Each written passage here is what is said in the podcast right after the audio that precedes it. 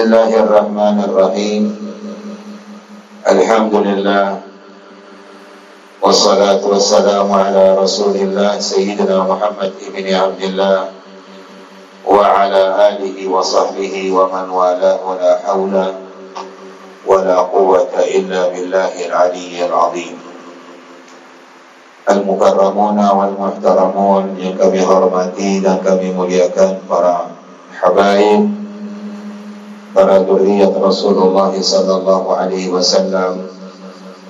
Begitu juga yang kami hormati dan kami muliakan para alim ulama para guru-guru agama para tokoh agama wabil khusus kepada tuan rumah yang telah menyediakan segala-galanya yaitu untuk kelancaran majlis kita yang membawa kita untuk dekat kepada Allah Subhanahu wa taala dekat kepada kekasih Allah yaitu Nabi Muhammadin sallallahu alaihi wa ala alihi wasallam mudah-mudahan beliau beserta sekeluarga. Dikabulkan oleh Allah Subhanahu wa taala doanya dikabulkan oleh Allah Subhanahu wa taala hajat-hajatnya. Mudah-mudahan dipanjangkan umurnya disehatkan badannya dengan berkat Rasulullah Muhammad ibn Abdullah sallallahu alaihi wa ala alihi wa sahbihi wasallam. Alhamdulillah الذي أكرمنا وإياكم بحضور مثل هذه المجمع المبارك Kita bersyukur kepada Allah Subhanahu wa taala yang telah mengumpulkan kita di majlis yang penuh barakah. majlisun biha al-'abdu ila Allah subhanahu wa ta'ala jalla wa ta'ala. Majlis yang bisa membawa kita untuk dekat kepada Allah Subhanahu wa taala jalla Jalalu wa ta'ala fi 'ula. Majlis الذي قال به فيها النبي محمد صلى الله عليه وسلم في الحديث روضة من رياض الجنة di majlis yang mana Rasulullah sallallahu alaihi wasallam di dalam hadisnya menyamakan perkumpulan kita ini dengan taman-taman surganya Allah Subhanahu wa taala. Majlis متصلة إلى الحبيب محمد Muhammad sallallahu alaihi وعلى آله وصحبه وسلم. wasallam majelis perkumpulan kita ini tersambung sampai kepada yaitu Rasulullah sallallahu alaihi wa ala alihi wa wasallam yang mana tadinya alhamdulillah kita buka majelis ini dengan membaca Ummul Quran suratul Fatihah. Yang tidak diragukan lagi bagaimana kemuliaan orang-orang yang mengamalkan yaitu muwadabah dengan membaca surah Ummul Quran yaitu Al-Fatihah. Kemudian kita baca bersama-sama yaitu surah Yasin yang mana Nabi kita Muhammad sallallahu alaihi wasallam menjelaskan kepada kita bagaimana keutamaan yaitu qiraatu surat Yasin. Sehingga Sayyidina Abu Bakar As-Siddiq radhiyallahu taala anhu wa arda. Beliau mengatakan di dalam hadda di dalam perkataannya bahwasanya surah Yasin ini dikenal dengan panggilan Al-Mu'ammamah apa itu arti mu'ammamah? Yaitu surah Yasin adalah surah yang lengkap. Lengkapnya apa? Di situ barang siapa kata Sayyidina Abu Bakar As-Siddiq Sayyidina Abdullah bin Abi Quhafa radhiyallahu taala anhu beliau mengatakan barang siapa yang istiqamah membaca surat Yasin al-Mu'ammamah tadi yang disebutkan oleh beliau itu keutamaannya dan keistimewaannya adalah mengabulkan hajat di dunia dan mengabulkan hajat di akhirat. Nah, oleh karena itu as-salafus salihin radhiyallahu taala anhum wa ardahum dari antara amal-amal mereka itu muwadabatu qiraatu surat Yasin. Istiqamah membaca surah Yasin karena banyak keutamaannya yang disampaikan oleh kekasih Allah yaitu Rasulullah sallallahu alaihi wasallam yaitu bisa mengabulkan hajat di dunia dan bisa mengabulkan hajat di akhirat. Sehingga ada seseorang mengatakan Ubay bin Ka'ab Ubay bin Ka'ab beliau mengatakan orang siapa yang membaca surah Yasin itu pahalanya seperti dia membaca Al-Quranul Karim 12 kali. Jadi pahalanya luar biasa kalau kita amalkan. Satu kali Ubay bin Ka'ab beliau mengatakan barang siapa yang membaca Yasin, surat Yasin, itu pahalanya sama dengan membaca Al-Quran 12 kali khatam. Jadi banyak keutamaan keutamaan yang disampaikan oleh as-salafus salihin radhiyallahu taala anhum wa sehingga kota aulia Allah Subhanahu wa taala seperti tadi nah mereka selalu muwadhabah selalu istiqamah membaca surah Yasin wabil khusus ba'di salatil maghrib. Habis sembahyang maghrib itu di jalan-jalan di itu jarang ada orang yang lewat kenapa jarang ada yang lewat? Mereka masing-masing sibuk dengan mengamalkan amaliyah untuk mendekatkan dirinya kepada Allah. Ada yang berkumpul bersama keluarganya yang keluarganya di rumah. Ada yang berkumpul di majlis, ada yang berkumpul di masjid yang mana mereka mengamalkan dari antara amalannya yaitu membaca surah Yasin.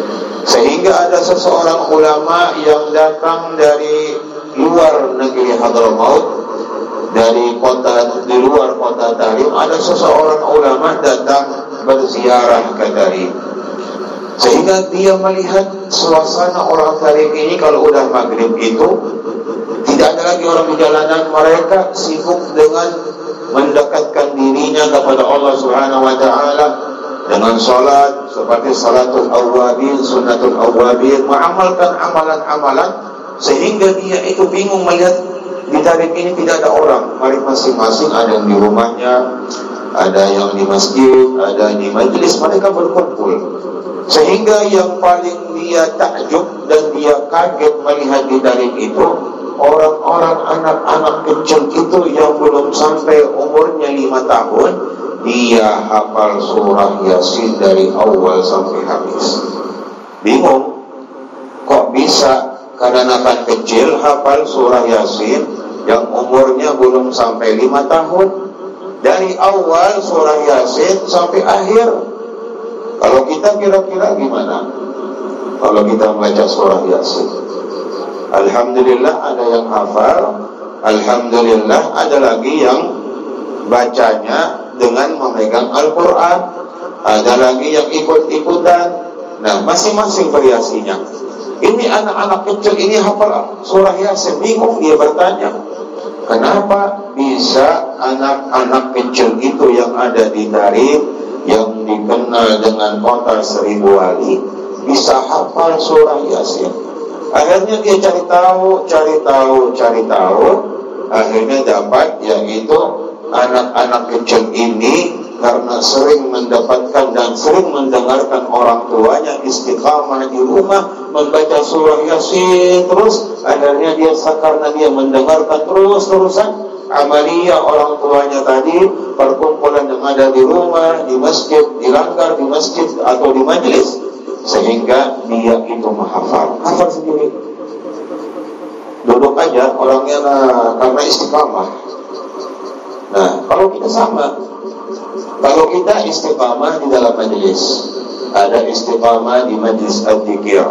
Dengan kita istiqamah hadir di majlis dikir tadi, otomatisnya apa? Kalau udah istiqamah, istiqamah, istiqamah, akhirnya apa? Kita hafal. Awam miringi orang punya kada?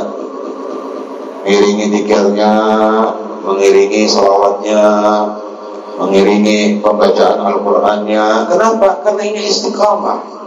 Belum lagi misalnya orang itu istiqamah di dalam majelis yang mana majelis tersebut tadi itu dibaca Maulid Rasul Sallallahu Alaihi Wasallam. Nah, kalau udah hadir, udah istiqamah, otomatis dia hafal, bisa mengikuti pembacaan-pembacaan Maulid Rasul Sallallahu Alaihi Wasallam. Atau menghadiri majlis-majlis yang lain atau majlis qiraatul Quran majlis hadarabat sauda atau majlis-majlis yang sering dia istiqamah. Otomatis dengan kita istiqamah tadi itu bisa hafal. Oleh karena itu salah kita mengatakan al istiqamah a'zamu karamah nah karamah yang paling mulia kita dengar karamah bermacam-macam karamah macam-macam kemuliaan yang kita tahu dengan keramat ya orang bahari keramat ya orangnya berkeramat punya karamah yang luar biasa, punya kehebatan yang luar biasa. Tapi ada sebuah karamah ini yang bisa mengalahkan semua karamah. Apa itu karamahnya? Yaitu istiqamah dalam ibadah kepada Allah. Itu karamah yang paling mulia. Karamah yang paling istimewa. Yang mana seseorang bisa istiqamah di jalan Allah subhanahu wa ta'ala. Tadi kita dengar bersama-sama lagi. Setelah pembacaan Al-Quran, salawat kepada Rasulullah. Kemudian tadi membaca apa? Membaca Maulid Abiyaul Lami'. Mungkin ada sebagian orang mendengarkan Maulid Abiyaul Lami' mungkin asing bagi dirinya. Apa itu Maulid yang baru dibaca?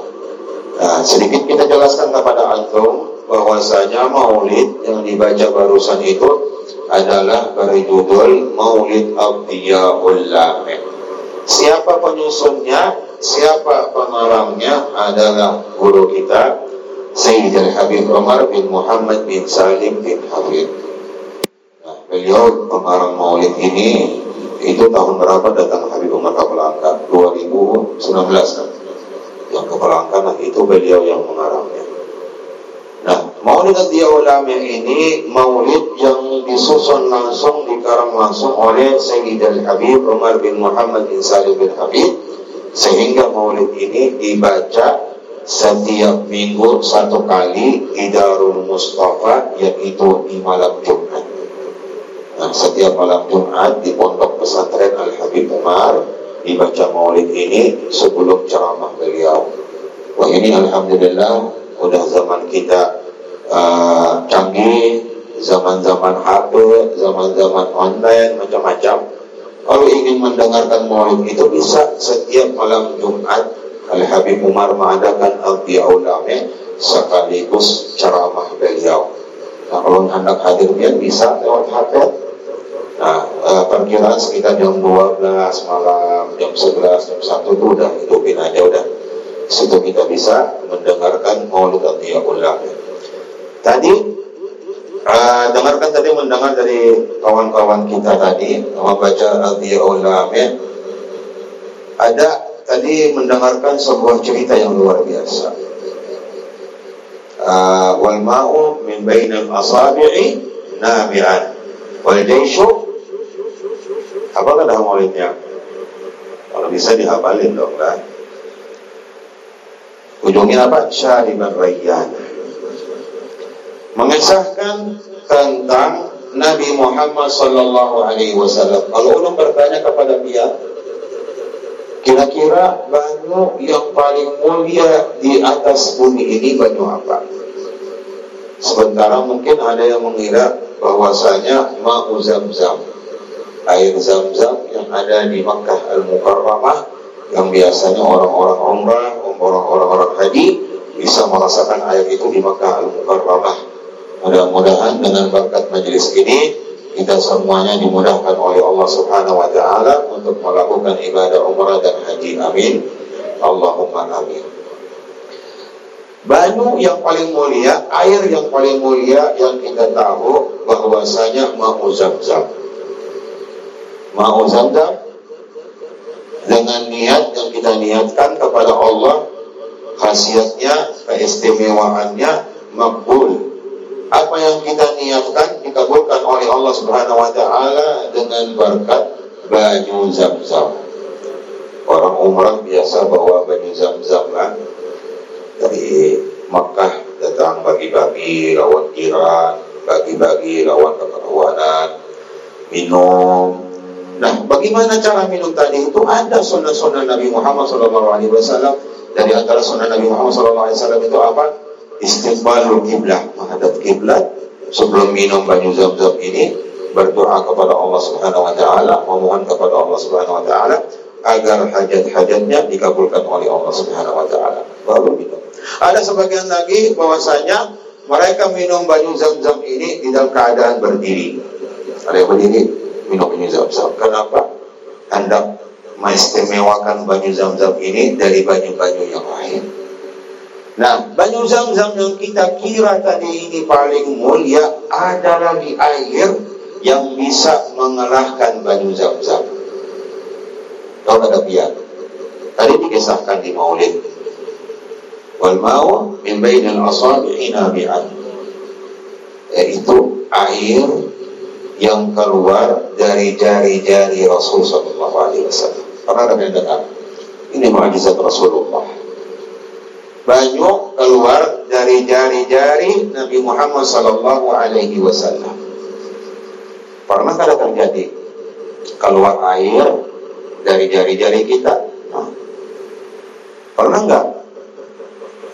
Ini apa? Karena Rasulullah Sallallahu Alaihi Wasallam beliau ini memiliki keistimewaan yang luar biasa. Yang mana di waktu itu Nabi Muhammad Sallallahu Alaihi Wasallam yang sedang berperang dengan sahabat-sahabatnya dan di situ sahabat-sahabat Rasul Sallallahu Alaihi Wasallam merasakan haus yang besar, banyu kedada, air kedada. Sahabat haus memerlukan air, Akhirnya apa? Nabi Muhammad sallallahu alaihi wasallam mengeluarkan air yang keluar dari jari-jari Nabi Muhammad sallallahu alaihi wasallam sehingga sahabat-sahabat Nabi Muhammad sallallahu alaihi wasallam rame-rame mendatangi jari Nabi Muhammad dan masing-masing minum banyak yang keluar dari jarinya Rasul sallallahu alaihi wasallam. Pernah terjadi nggak kira-kira di hadapan kita ini? Pernah kita, pernahkah kira-kira kita mendengarkan dari nabi-nabi sebelum Nabi Muhammad? Karena ittiba ittifaq as-salafus salihin radhiyallahu taala anhum wa nabi-nabi yang sebelum Nabi Muhammad sallallahu alaihi wasallam yang mana mereka itu memiliki keistimewaan memiliki kelebihan, memiliki mukjizat yang luar biasa. Semua mukjizat itu ada di Rasulullah sallallahu alaihi wasallam. Semuanya ada di Rasulullah.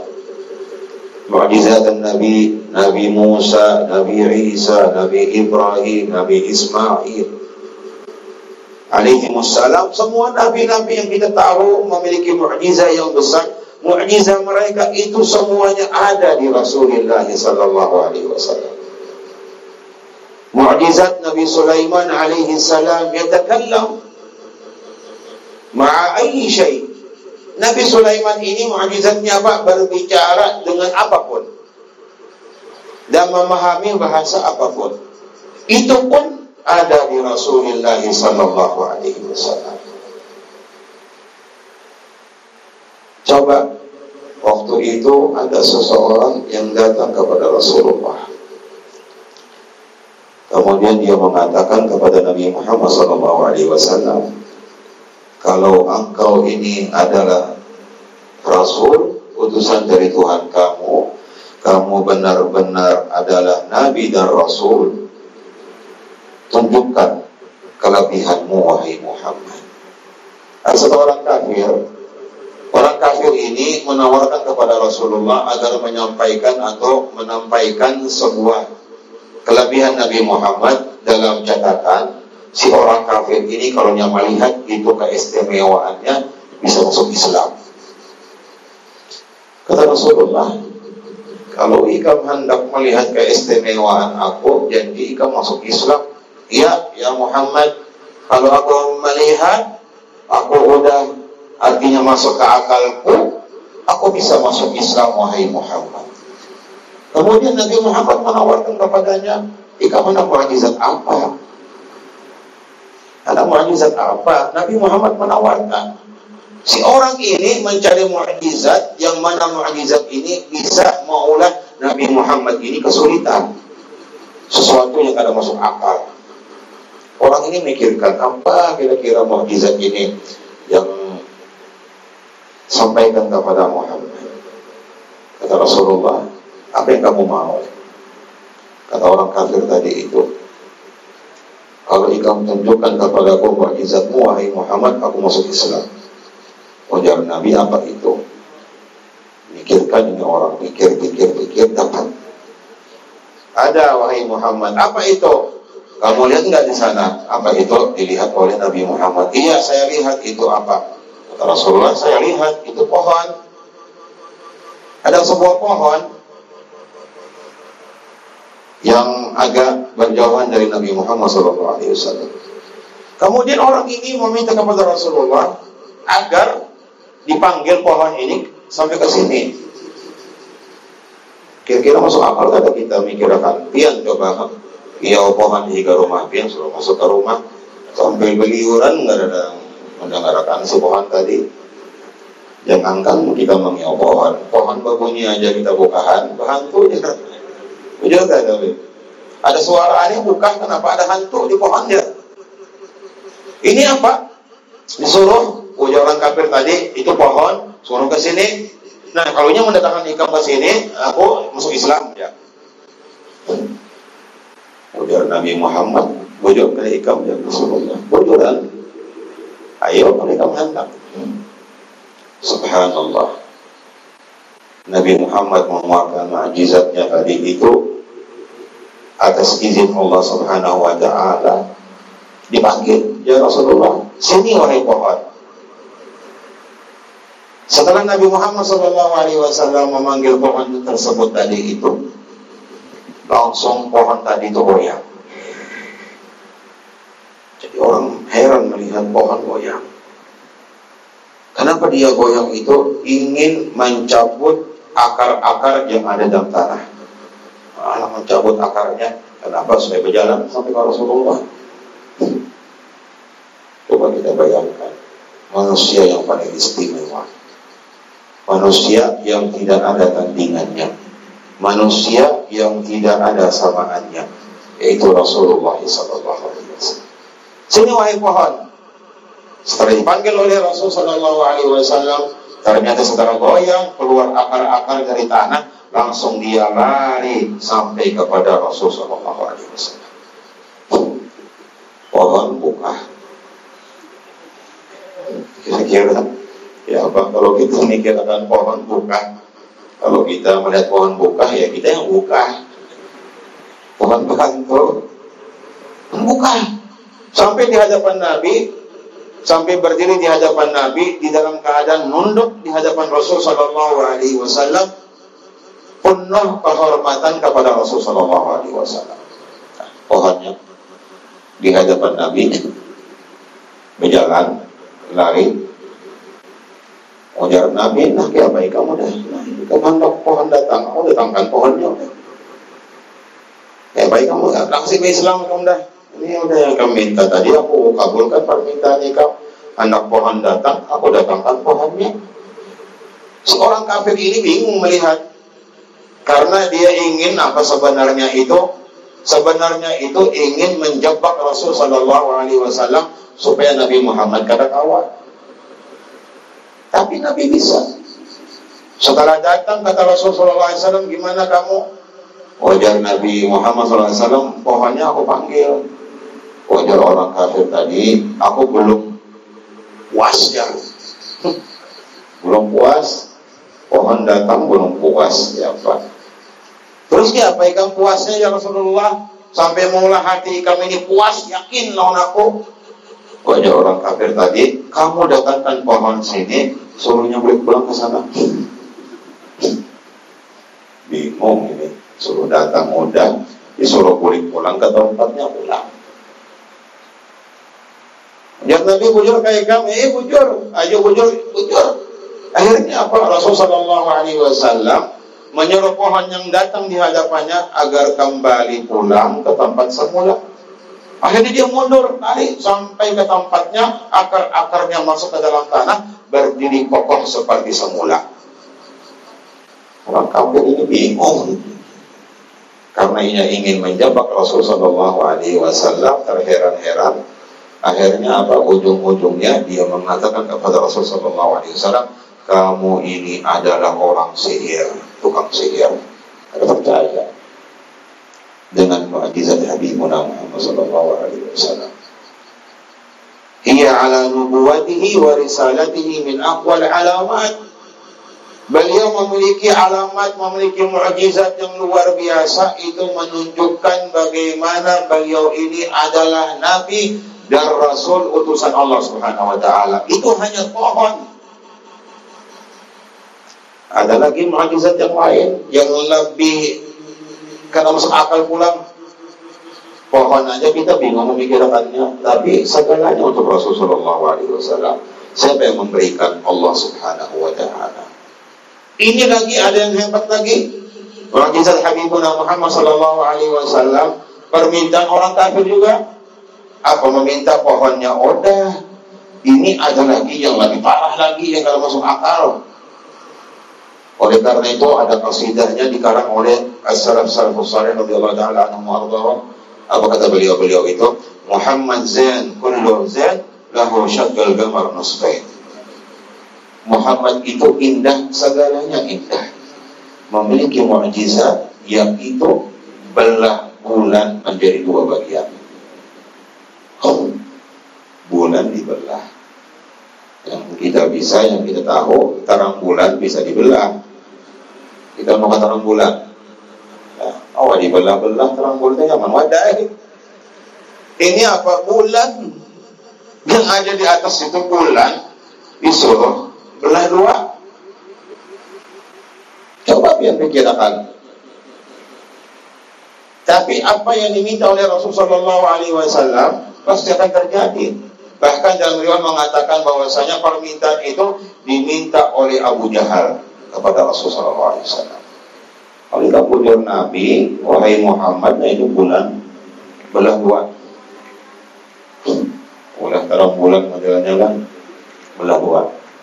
Kalau kita bisa membelah dua itu bulan, Muhammad zan kullu zan lahu syakal gamar nusfah kalau kamu belah dua, maka aku akan masuk Islam wahai Muhammad. Dia Nabi, ayo, ayo, kalau kamu hendak itu juga, tapi kamu jadi kamu Islam. Nabi Muhammad ingin menyelamatkan umatnya. Bahkan Nabi Muhammad SAW permintaannya apa? Semua umat ini akan diselamatkan oleh Allah Subhanahu Wa Taala. Nabi Muhammad tidak mau umatnya untuk masuk ke dalam neraka. Itu kecintaan Rasulullah terhadap umat. Ini kepedulian Rasul Sallallahu Alaihi Wasallam terhadap umatnya. Sampai Nabi Muhammad ingin wafat, apa yang diucapkan oleh beliau? Ummati, ummati. Selalu ingat kepada kita bagaimana caranya kita mengingat Rasulullah Wasallam.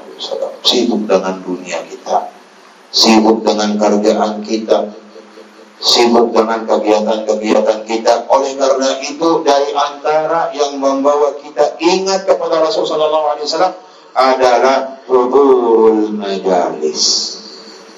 Hadir di majelis. Kalau kita hadir di majelis, otomatis membawa kita untuk ingat kepada Allah Subhanahu wa taala dan ingat kepada Rasulullah sallallahu alaihi wasallam. Akhirnya Nabi Muhammad sallallahu alaihi wasallam bulan yang jauh kita pun mobil aja kada sampai-sampai ke bulan. Sampai bulan. Orang ke bulan aja pakai roket. Makinnya semalam roket Cina lah. Nyasar ya. Seluruh dunia heboh. Sini heboh kada pulang raya. Tapi ada hebohnya.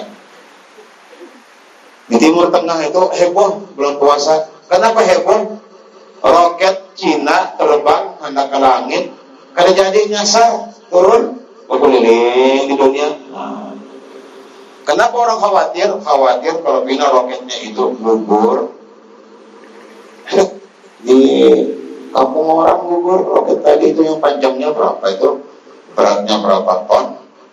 Kalau gugur kita di Palangkaraya ada kabarnya lagi udah habis Abut orang jadi orang tuh mau pakai berita, masuk kita melihat berita itu, nah di mana udah roketnya berjalan, nah, pokoknya pak. Akhirnya gugur di mana? Di laut itu, alhamdulillah ada jadi gugur di pemukiman tempat-tempat orang tinggal, alhamdulillah. Roket aja nyasar aja kita udah kebulingan, ya pak. Jadi Nabi Muhammad SAW bulan yang jauh tadi itu dibelah oleh Rasul SAW. Kadang yang dibelah aja cukup oleh Nabi Muhammad. Setelah Nabi Muhammad membelah bulan tadi itu dipisahkan oleh Rasulullah SAW dua bagian, satu ke sini, satu ke sana. Coba kita bayangkan. Salam Nabi Muhammad. Dibelah dua, dibagi dua bagian sebelah kiri, sebelah kanan, dipisahkan dua bagian tadi itu. Setelah dipisahkan oleh Nabi Muhammad SAW, si Abu melihat kagum melihat bulan belah dua. Kita eh, mana bisa itu? Sampai-sampai bulan jadi belah dua. Untung diberikan lagi oleh Rasulullah. Kadang dibelah dua dibiarkan setelah dibedah oleh Nabi Muhammad SAW menjadi dua bagian, kemudian dipisahkan dari tempatnya, sini separuh, sini separuh. Untung itu orang kafir yang melihat, kemudian di dikembalikan oleh Nabi Muhammad SAW seperti semula dibusuk oleh Rasul Wasallam kembali bulannya utuh seperti biasa. Bahkan sekarang ini apa keilmuan yang biasa meneliti yang ada keilmuan yang di langit-langit, bulan, matahari, tapi apa namanya itu teropong-teropong apa yang bisa menembus sampai ke atas jadi subhanallah keilmuan mereka ini pernah meneliti masalah ini. Nabi Muhammad membelah bulan menjadi dua bagian. Mereka meneliti apa? Mencari kalau tidak ada bekasnya aja. Bekas potongan Nabi dengan keilmuan mereka itu dengan teropong-teropong yang canggih-canggih tadi itu melihat kebetulan subhanallah di tengah-tengah itu ada garis akhirnya diteliti mereka itu garis pernah yaitu yang dilakukan oleh Rasulullah SAW ketika beliau membelah bulan menjadi dua bagian. bulan itu ada sampai oh ini ada garisannya. Kalau dia hendak melihat garisannya, kan kayak teropongnya lah. Harganya ada murah teropong itu. Nah ini keistimewaan luar biasa kita ini kalau duduk di majelis bersama para jamaah dengan maulid, baca yasin, salawat kepada Rasulullah SAW. Oleh karena itu, insya Allah pembacaan dari maulid tadi itu insya Allah kita istiqamahkan. Insya Allah kita istiqamahkan dan insya Allah Allah memberikan ijazah sekaligus. Nah, jadi Allah ijazahkan kepada yang seberatan yang hadir di sini untuk membaca Maulid Adhiya Ulami ijazah ini ulun langsung mengambil dari guru ulun Al Habib Umar bin Muhammad bin Salim bin Hafid. Maka ijazah ijazah. Atau ulun terima ijazahnya. Al-Fatihah. Bismillahirrahmanirrahim. Alhamdulillahirrahmanirrahim الرحمن الرحيم مالك يوم الدين إياك نعبد وإياك نستعين اهدنا الصراط المستقيم صراط الذين أنعمت عليهم غير المغضوب قال قال رسول الله صلى الله عليه وسلم من أدام النظر في المصحف متع ببصره ما بقي في الدنيا وفضل قراءة المصحف نظرا على من قرأ ظاهرا كفضل الفريضة على النافلة Nah kita sekaligus melanjutkan pengajian kita lah. Di sini disebutkan oleh Nabi Muhammad Sallallahu alaihi wa alihi wasallam ada man nazara fil mushaf Barang siapa yang istiqamah Untuk melihat Al-Quranul Karim Nah istiqamah melihat Kenapa? Karena al-nazaru ila Al-Quran Kalau kita memandang saja Dengan Al-Quran Itu ditulis bagi kita ibadah kepada Allah Jadi kalau orang baca Al-Quran itu dengan memegang al-mushaf biarpun dia hafal Orangnya hafal ini ulun bir hafal lebih baik 30 juz biar hafal. Tetap kita istiqamah membaca Al-Quran dengan memegang Al-Quran langsung kan apa? Karena kalau orang membaca Al-Quran Al-Quran tadi itu dengan memegang langsung itu berbeda dengan orang yang hafal.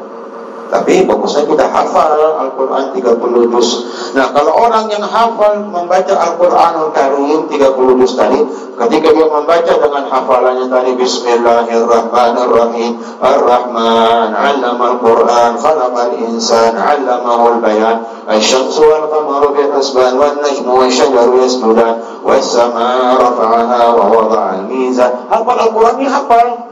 Nah, kalau begitu dia baca, ketika dia membaca tadi karena dia hafal, dia hanya mendapatkan pahala membaca Al-Quran.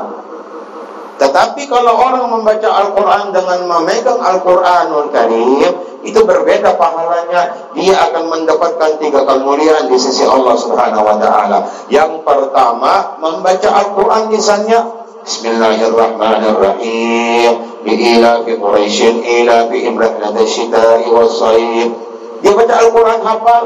Ya ayuhal ladhina amanu idha nudiya lissalati min yawmi jum'ah fas'au ila dzikrillahi wa darul bayi Hafal Al-Quran, tapi dia megang Al-Quran.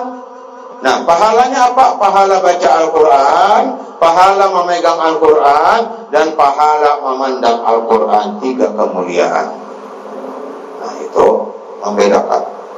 Oleh karena itu, di sini disebutkan oleh Rasulullah Sallallahu alaihi wa alihi wasallam barang siapa yang biasanya memandang Al-Qur'anul Karim Matta basarihi artinya apa diberikan oleh Allah Subhanahu wa taala matta basarihi diberikan oleh Allah kemuliaan di pandangannya di dunia ketika dia masih hidup di dunia ini.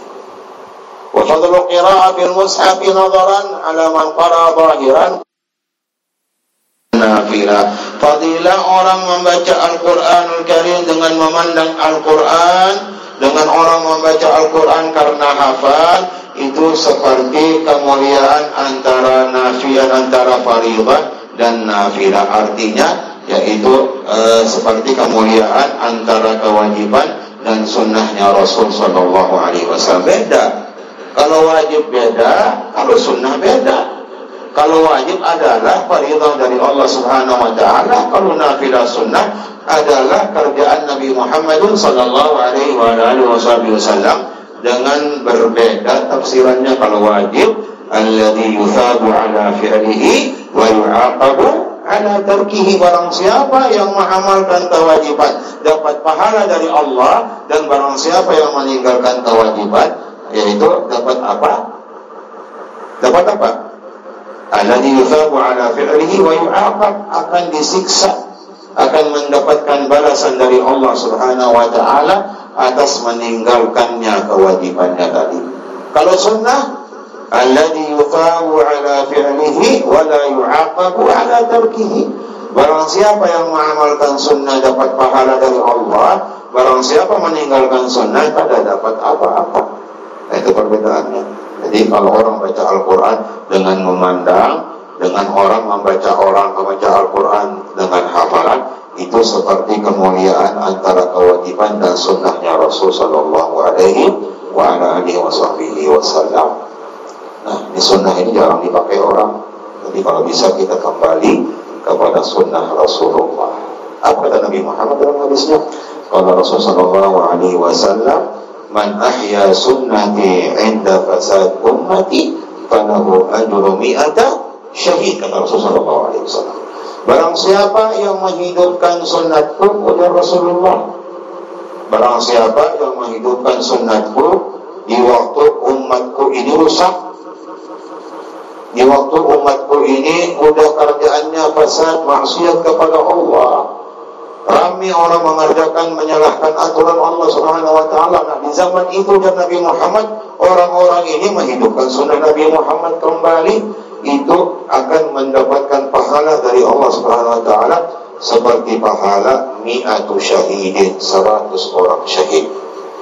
Sekarang zamannya kita nih banyak udah fasad, banyak maksiat, banyak orang-orang menyalahkan aturan macam-macam yang kita lihat ini.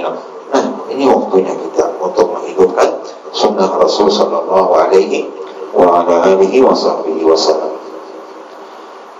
وروي عن رسول الله صلى الله عليه وسلم من قرأ القرآن حتى يختمه ورسول الله شجرة في الجنة Barang siapa yang membaca Al-Quran Karim sampai khatam Al-Qurannya Allah subhanahu wa ta'ala akan menanamkan pohon di surganya Satu pohon Syajaratan fil jannah Satu khatam dia Satu pohon ditanamkan oleh Allah di dalam surganya. Nah, Kalau dia apa pohon juga di, di, di surga? Apa amaliyahnya? Khatam Al-Quran. Nah itu di dunia alhamdulillah kita berumah aja lah. Saat ada yang menanam pohon, rambutan, jambu, pohon apa lagi, pohon macam-macam pohon aja. Menanam-nanam kita banih lah inilah aja. Tapi ini istimewa Allah yang menanamkan nasab di surganya. Apa itu? Pohon bagaimana caranya? Khatam Al-Quran.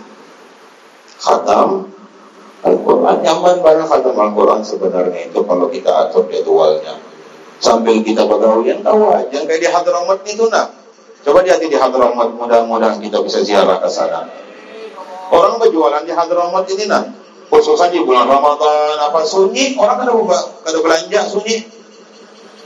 Berjualan sunyi kalau di sini berjualan sunyi mohon oh, ada Habib Ayo ada guru-guru gitu lah minta minta guru danyo kenapa? Penjualan sunyi. Karena udah pikirannya macam-macam. Udah uh, bina lain pikirannya karena apa lain kalau bina diandaki orang lah kalau bina inilah selalu iblis yang disalahkan. Iblis terus yang disalahkannya sebenarnya kalau kita lihat kan ada.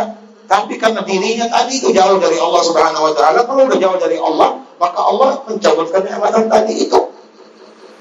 Nah, apa yang dilakukan orang Hadramaut itu sambil menunggu datang pelanggan anak belanja, sambil mengikuti kitab kah, mengikuti Al-Quran, sambil baca sidina, baca Bismillahirrahmanirrahim, baca sidin. Kita pang, apa yang digawe, jualan di pasar, dengan sunyi, Muhammad sama deh. Payu-payu, jangan apa ini kalau payu jangan ini itu ini. Akhirnya macam-macam timbul pikirannya. Ini paling orang-orang sebelah yang mandaki Mayat aku pang berjualan kayu benar nih. Tahunya ini yang lengok. Kata itu. Nah, itu. Manfaatkan waktunya. Kalau kita misalnya pegawai di pasar, baca ke toko, orang tidak ada pelanggan, misalnya sunyi, pas sambil baca Al-Quran. Bismillahirrahmanirrahim. Kada berasa biar insya Allah beberapa minggu khatam Al-Quran. Nah itu kalau kita biasa di rumah kita obat jadwal kita habis maghrib misalnya satu lembar Habis Isya satu lembar saja. Anak subuh satu lembar pulang, tiga lembar sehari. Insya Allah yang berapa bulan khatam Al-Quran. Kalau diulang program. Tapi kalau yang berdahulu pindah poler banar ya ada bahatam-hataman Al-Quran. Nah, itu karena kalau orang muda bisa merasakan nikmatan Al-Quran, maka Al-Quran tidak akan dipisahkannya. Selalu mengikuti Al-Quran selalu mengikuti Al-Quran dan sekalian ini mungkin penutup cerita karena ada hubungan dengan Al-Quran kisahnya Habib Al-Hasan bin Salih Al-Bahar yang ada di kota Hadramaut sebelum Hawbah itu ada makam Al-Habib Al-Hasan bin Salih Al-Bahar beliau ini dikenal orang Al-Quran sedih Quran, Quran, Quran, Dorian Sidin Quran. Akhirnya Sidin itu Sidin itu mengalami sakit. Sakit Modalnya ada benjolan di belakang Sini ada benjolan di belakang. Maka dibawa oleh anaknya Habib Al-Hasan bin Salih Al-Bahri ke dokter Dok, ini Abah Ulun ini di belakangnya ada benjolan. Ini benjolan apa kira-kira? Ini lihat dokter, dokter Bahari. Sampai wah ini dokternya di Hadramaut lucu. Dari Bahari sampai wah ini ujuk lagi di zaman kita Bahari.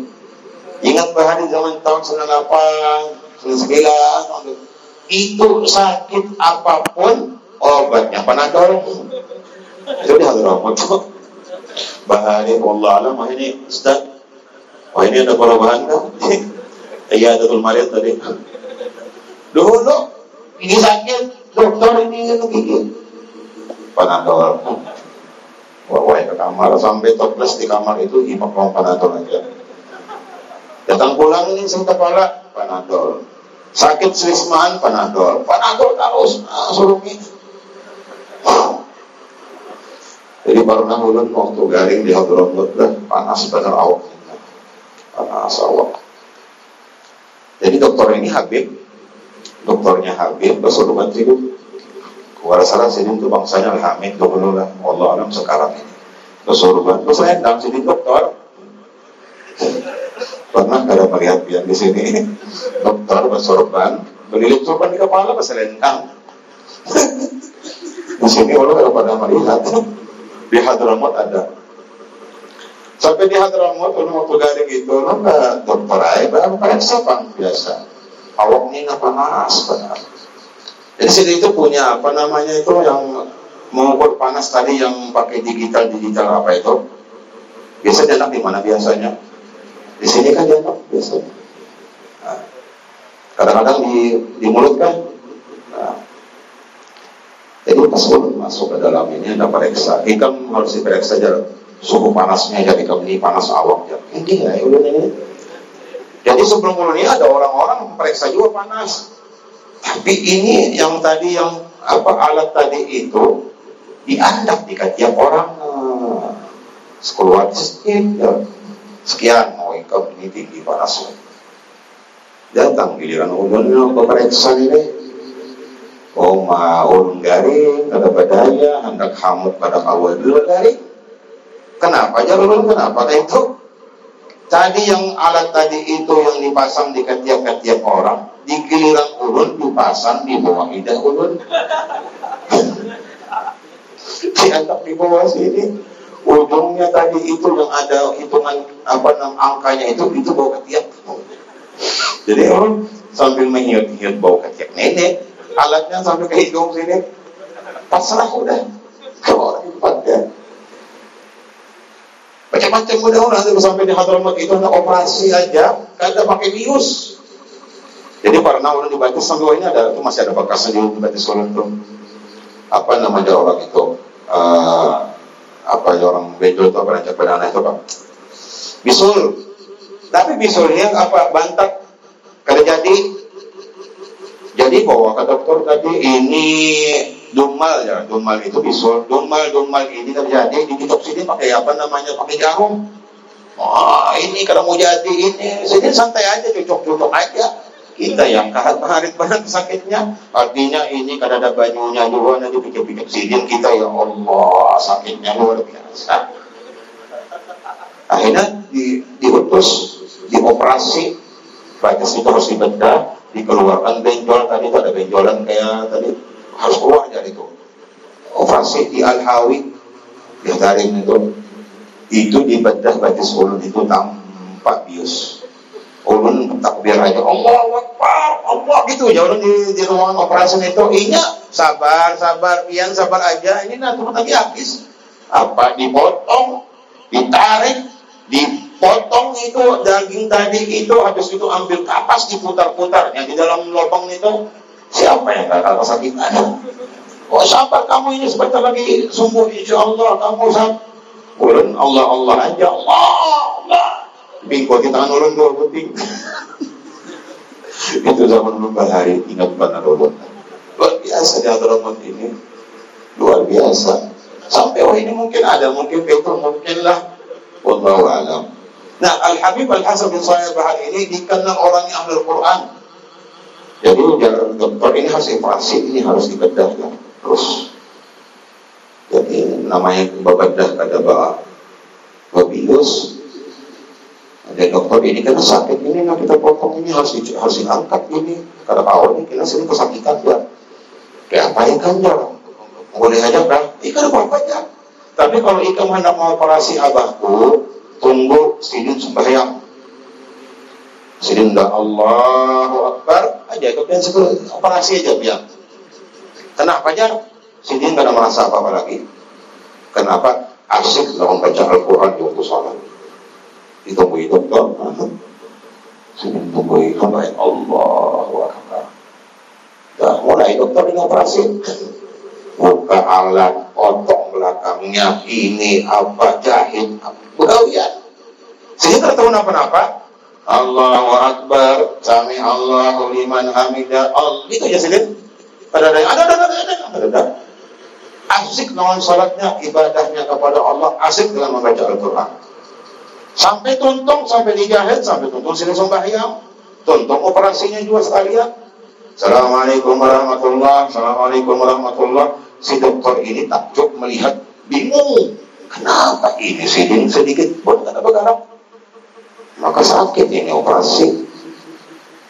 Boleh aku bertakon dan menabahi kami ini? Aku ini terheran-heran dia nggak pikiranku. Takon nih. Oh, bet. Waktu pian sholat tadi ya. Ulun tadi ada sedikit menggawi di belakang pian. Adakah rasa sakit ya? Dokter bertakon nawan si Habib Hasan Saleh Bahab. Ada ada sakit ya. Waktu aku sampaikan ada sakit, tapi ada sedikit sakit ya. Ada sedikit sakit seperti orang digigit nyamuk ya. Itu yang kurasakan dia. Digigit nyamuk. Orang mau operasi di belakang hidup dibadakan gigit nyamuk. Nah ini orang-orang yang mudah luar biasa ibadahnya Qurannya kepada Allah Subhanahu wa taala. Oleh karena itu, kita ambil pelajaran mereka-mereka itu agar kita senantiasa bisa mendekatkan diri kepada Allah Subhanahu wa taala dan menambah kekhusyuan kita kepada Allah Subhanahu wa taala. Mudah-mudahan majlis kita ini majlis yang mubarakah dan mudah-mudahan dalam berkat majlis ini doa-doa kita hajat-hajat kita dikabulkan oleh Allah Subhanahu wa taala dan mudah-mudahan kita semua yang ada di majlis ini mendapatkan ilmu laduni dari Allah Subhanahu wa taala. Amin Allahumma amin. Allahumma amin Allahumma amin. Allahumma jadana ala hada jamal. Marhumah tafarrukan baik tafarukan ma'asumah. ولا تجعل فينا ولا علينا ولا حوالينا شقيا ولا محروما من فضلك وجودك وكرمك يا أرحم الراحمين. صلى الله على سيدنا محمد وعلى آله وصحبه وسلم. ربك رب العزة عما يصفون وسلام على المرسلين والحمد لله رب العالمين.